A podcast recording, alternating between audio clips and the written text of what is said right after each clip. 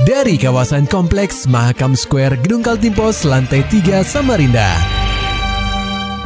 96,8 KPFM Kita akan ikuti program KP Flash News.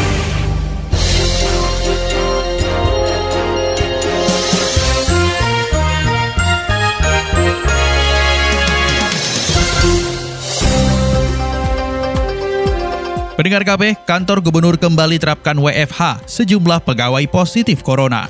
Laporannya disampaikan reporter KPFM Samarinda, Maulani Alamin. Pendengar KP, sejumlah pegawai di kantor gubernur Kaltim terkonfirmasi COVID-19.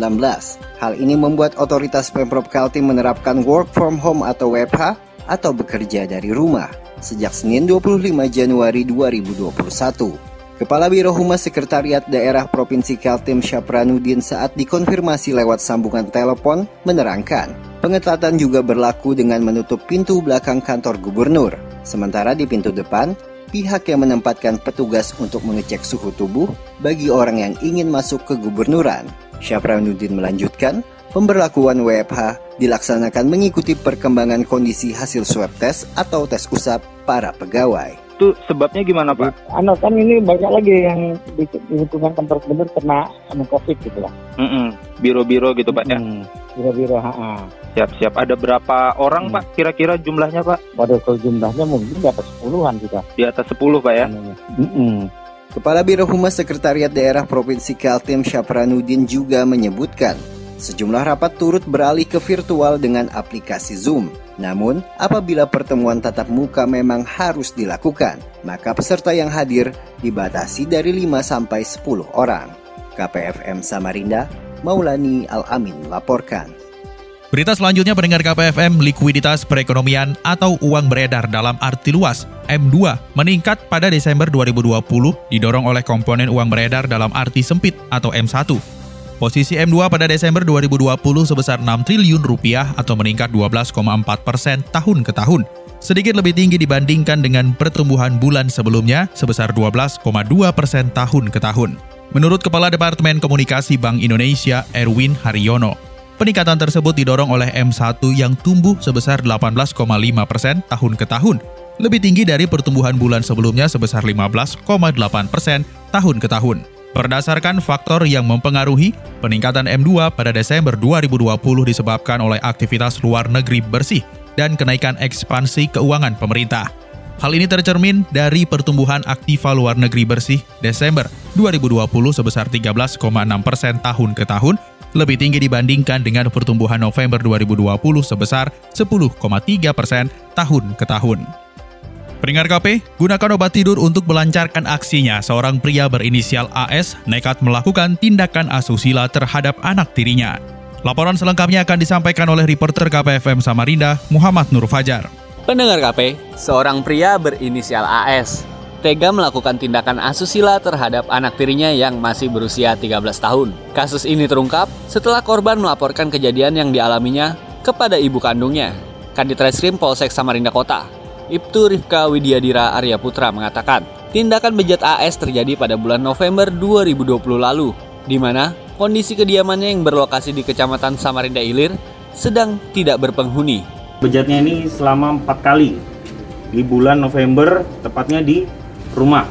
Jadi motif pelaku pada saat rumahnya sedang kosong, pelaku melakukan aksinya dengan cara pelaku memberikan minuman yang sudah diberikan obat tidur atau obat penenang kepada korban. Kemudian setelah 15 menit korban tertidur, pelaku membuka celananya kemudian e, melakukannya di, di di dalam rumah. Kemudian pelaku melakukan empat kali sampai dia puas. Aksi nekat AS ini terus dilakukan hingga terakhir pada 29 Desember 2020. Rifka menyebutkan, saat itu korban terbangun dan terkejut melihat AS berada tepat di sampingnya sedang tertidur pulas. Korban pun langsung syok lantaran menyadari dirinya saat itu dalam keadaan tanpa busana. Terakhir kali pelaku melakukan kegiatan tersebut yang disadari oleh korban ketika korban bangun tidur bersama pelaku. Korban kaget dan melaporkan kejadian tersebut kepada ibunya. Korban berkata bahwa dia sudah tidak perawan lagi. Kemudian dia sudah ditiduri oleh bapak tirinya yang bernama AS Kemudian keluarga membuat laporan polisi, kemudian kita dari Polsek Samarinda Kota langsung bergerak menangkap pelaku. Atas perbuatannya ini, AS akan dijerat dengan pasal 81 ayat 3 Jungto pasal 76D Undang-Undang Republik Indonesia tentang Perlindungan Anak dengan ancaman hukuman maksimal 15 tahun penjara. KPFM Samarinda, Muhammad Nur Fajar melaporkan. Beralih ke berita selanjutnya pendengar KPFM, ekspor molding kayu dengan bahan baku kayu ulin mulai bergairah kembali meski pandemi COVID-19 belum berakhir. Hal tersebut terlihat saat jajaran Disperindak dan UKM Kaltim meninjau salah satu perusahaan molding kayu di Samarinda, bernama CV Wanakarya. Direktur CV Wanakarya Azarin menuturkan pada tahun 2021 ini saja, perusahaannya telah menerima pesanan 7 kontainer molding kayu untuk diekspor ke Jepang dengan nilai ekspornya mencapai 2,9 miliar rupiah dan jumlah molding sebanyak 114 meter kubik. Meski begitu, Azarin sempat mengalami penurunan produksi hingga 50% saat pandemi COVID-19 mulai merebak. Selain itu, tingginya biaya pengiriman yang meningkat sebesar 40% turut ikut andil dalam menurunkan biaya produksi. 2020 kita masih bisa menghasilkan sekitar dari penjualan ke US dollar 235.129 US dollar atau senilai 3 miliar 460 untuk tahun ini.